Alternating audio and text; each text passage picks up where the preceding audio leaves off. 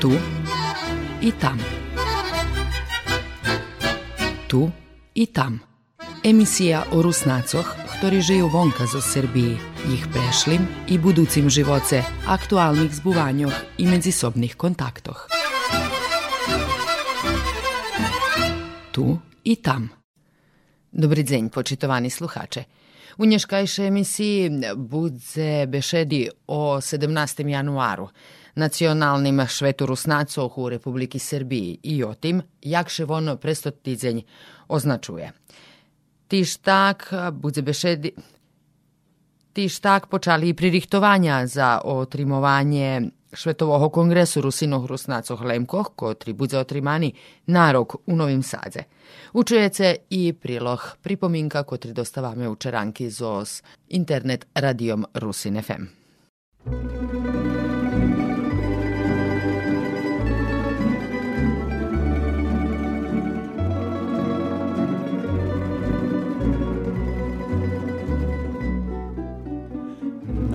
Tret širokej rovniny, jak mac národa to.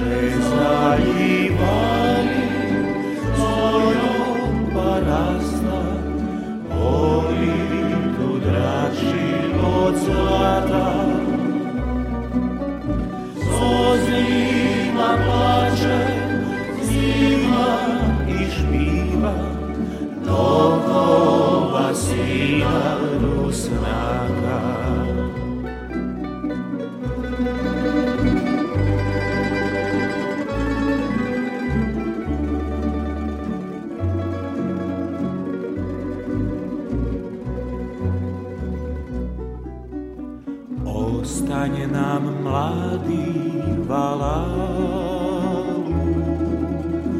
mladost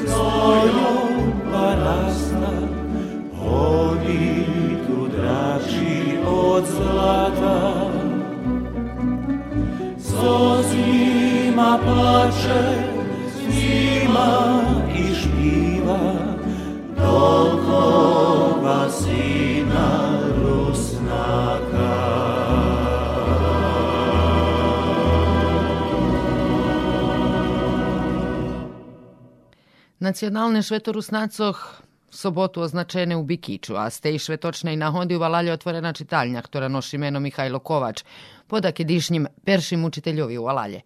U čitalni knjiški na ruskim, serbskim, ukrajinskim i na drugih jazikoh budu dostupni školjarom i čitateljom robotnima dnjami u popoladnjovih hodzinoh.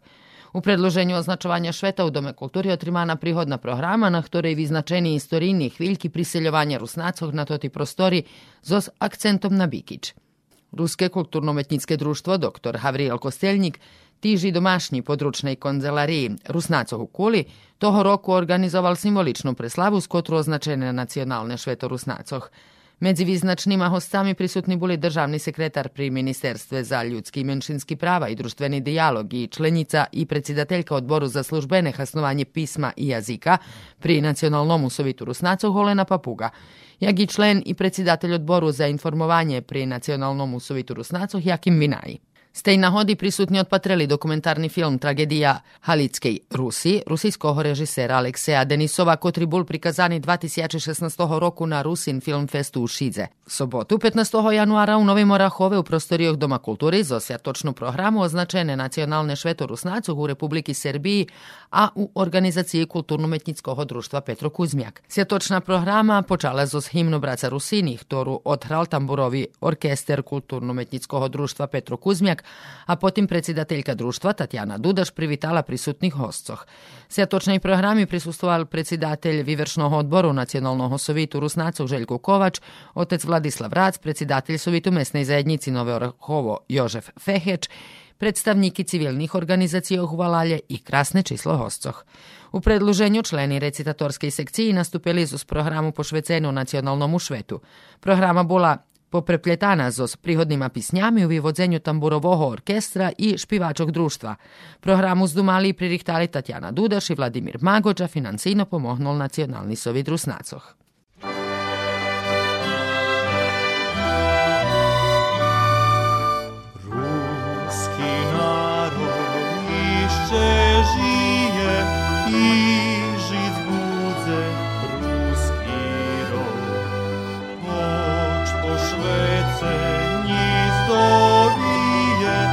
God.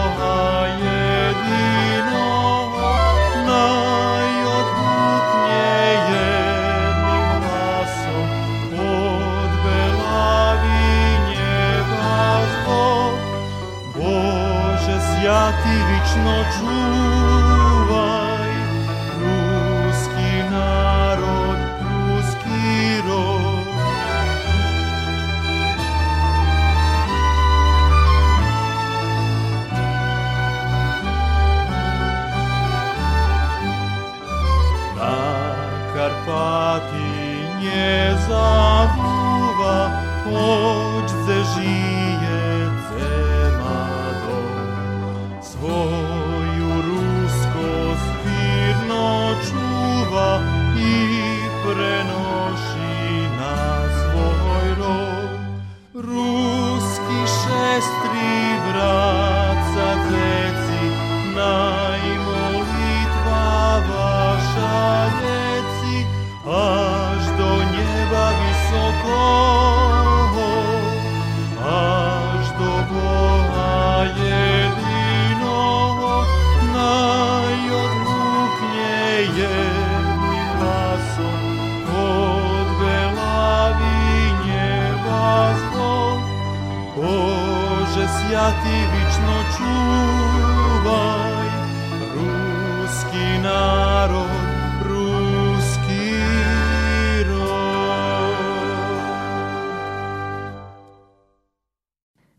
sam dzenj nacionalnog šveta Rusnacoh na 11 hodzin odkrita spomin ploča pošvecena dekretu o naseljovanju Rusnacoh na prostor Nješkajše i Vojvodini, kotri potpisani 17. januara 1751 roku u Grašalkovičovej palati u Zombore.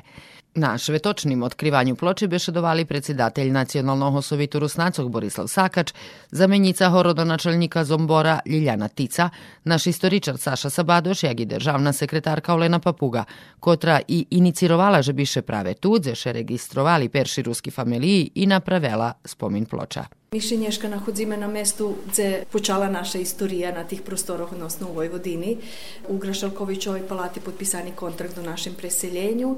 Tu, jak ljudze prihodzeli, tu še prihodzeli prijavljovat, znači pred 271 rokom. Takže ja tak dumam, že naj se mož poveže u Grašalkovićovoj palati u Zombore počala naša istorija. Nacionalni soj dom, že dobre, že prinjesu to to odluku, že bizme na jakiś sposób označili, označili u tim dnju 17. januaru i mesto našeg priseljenja. Tota palata bila privatizovana, ali pripadla horodu Zomboru, ktorý neisce mal velike porozumenje, že bi sme počali jakošik označovati toto šveto tu na tim, na tim prostore, ali že bi to nje bol i konjec. Tota palata še bude renovovat s sredstvami Evropske unije i najvjerojatnije ще bude pretvorena do rižnih muzejov i galerijoh. Dovarili sme še so sterašnjim horodonačelnikom, a verim, že to bude i so s druhima dovarka. I že by sme na tim prostori napravili jednu rusku rusinsku hižu, ktorá bude pošvecena prave prihodu na, na toti prostori, odnosno bude jedno male mestočko u tej Grašorkovićovoj palati bude pošvecene rusnacom. U Ďurďove programa otrimana na 12 hodin, u Gospodincu na 15 hodin, u Šidze na 18 hodin, a na 18 hodin i u Srimskej Mitrovici. Stredu 19. januara šveto še označuje i u Subotici i u područnej konzelariji u Srimskej Mitrovici. U ruskim keresture programa bude otrimana u Dome kulturi 21. januara s počatkom na 19 hodina u Kocure u Ruskim dome na subotu 22. januara na 18 hodin.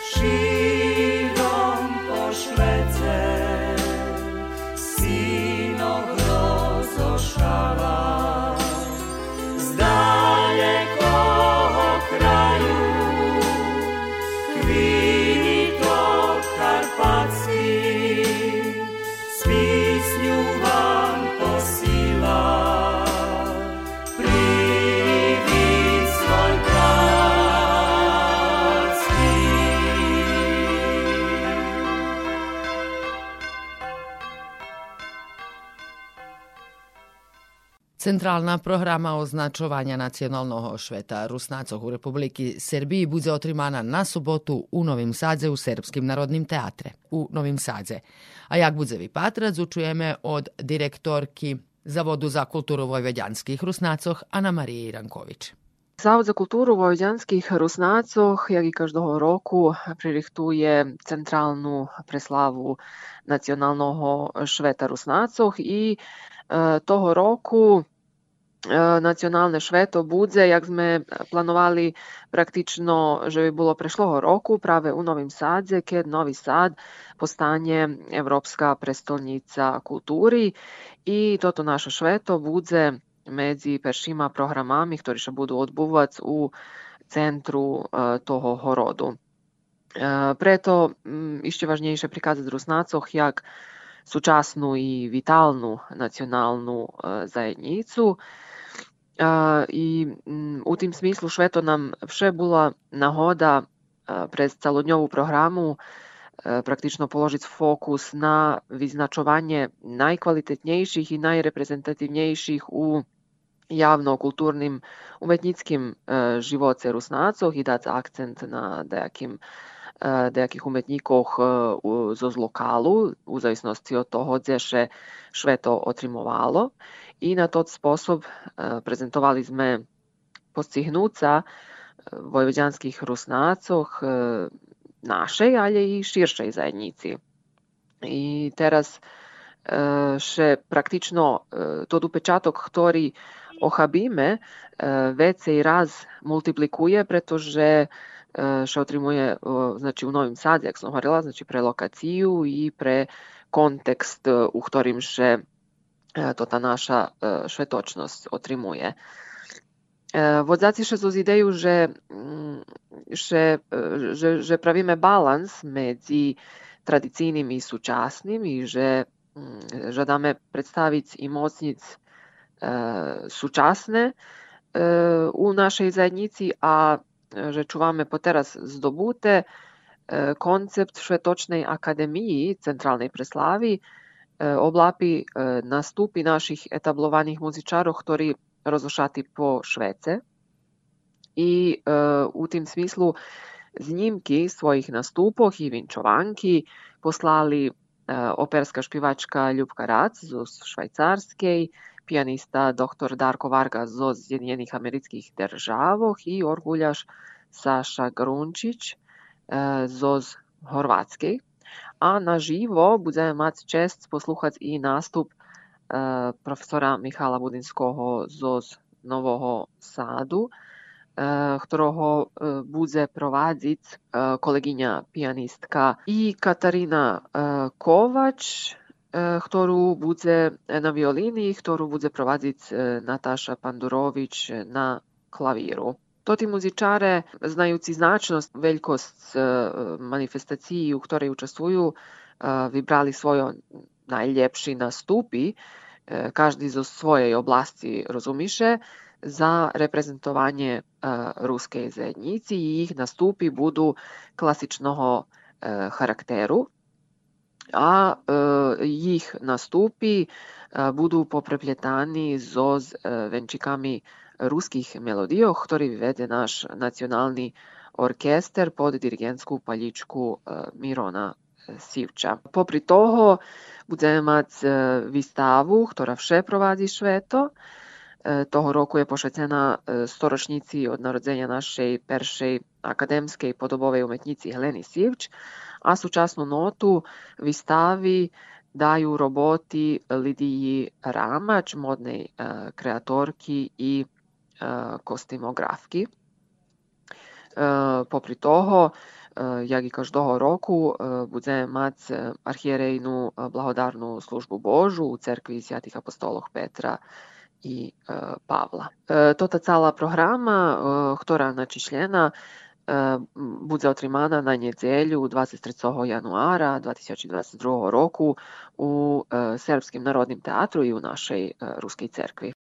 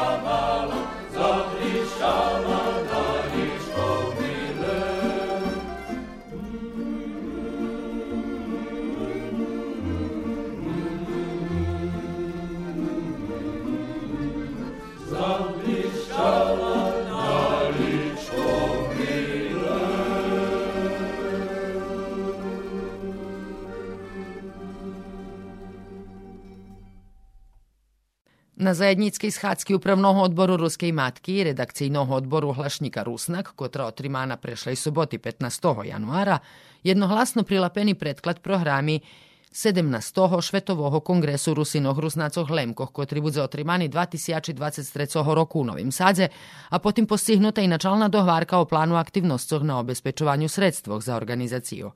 Na schádzky vynešení informácie o finálnych kročajoch drukovania prekladu knižky Malá história Rusinoch profesora Ivana Popa, kotra neodloha má vysť zo druku tirážo tisiač prikladníky, jak i o troškoch drukovania i techničného pririchtovania 33. čísla hlašníka Rusnak.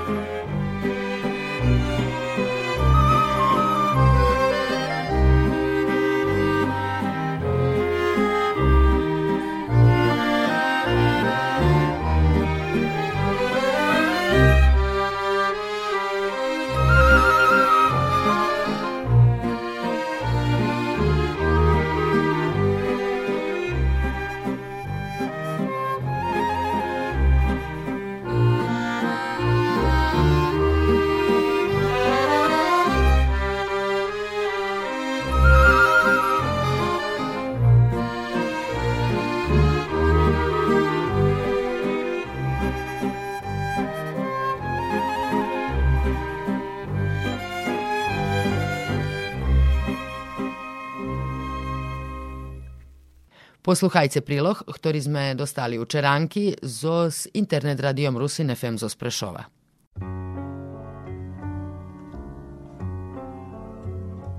Pripomienka Za novom kalendáriom majeme už nelen po roždestvených sviatách, ale i po bohojavléniu. Jak raz na bohojavlénie sobi bol Isus Kristus pokrešený na rici Jordán Joánom Krestiteľom i pojavila sa cíla Sviata Trojca. Vtod u cerkvách sviateme vodu, kotru sobi pak bereme i domiu, deziši chodia siatety i rik, chod dnes už to málo vidíte, a chodiacia siatety i obesťa. Jurij Šipovič opisuje i ďalšie tradície rusením na Pitkarpaťu, ktoré boli poviazané i sviatom bohojavlénia.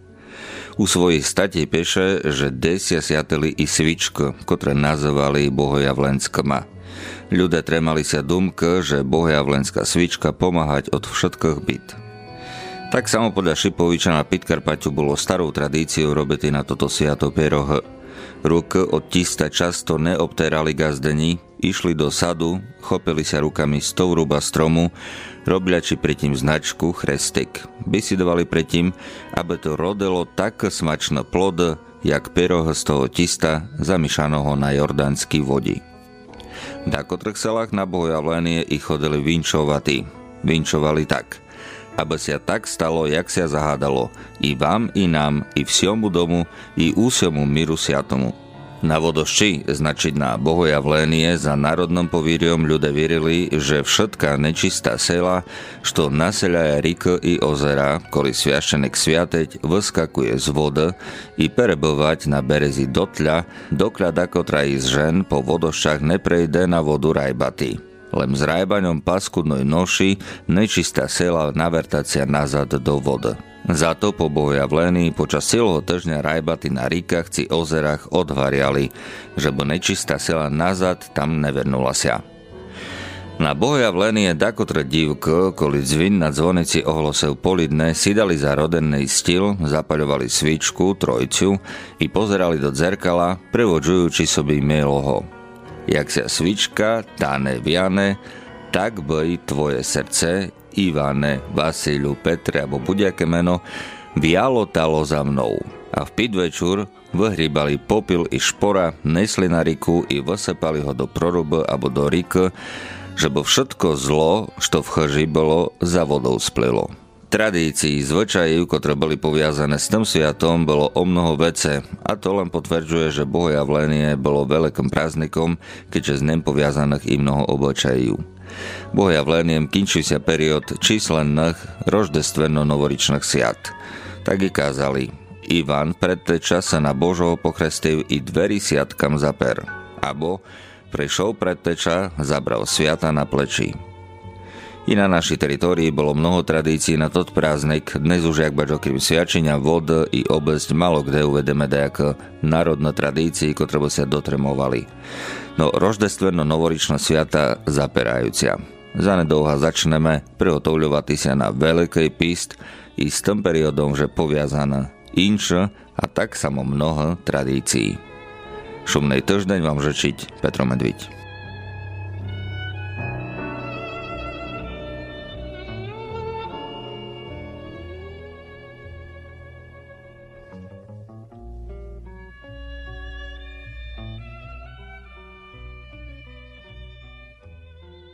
prej.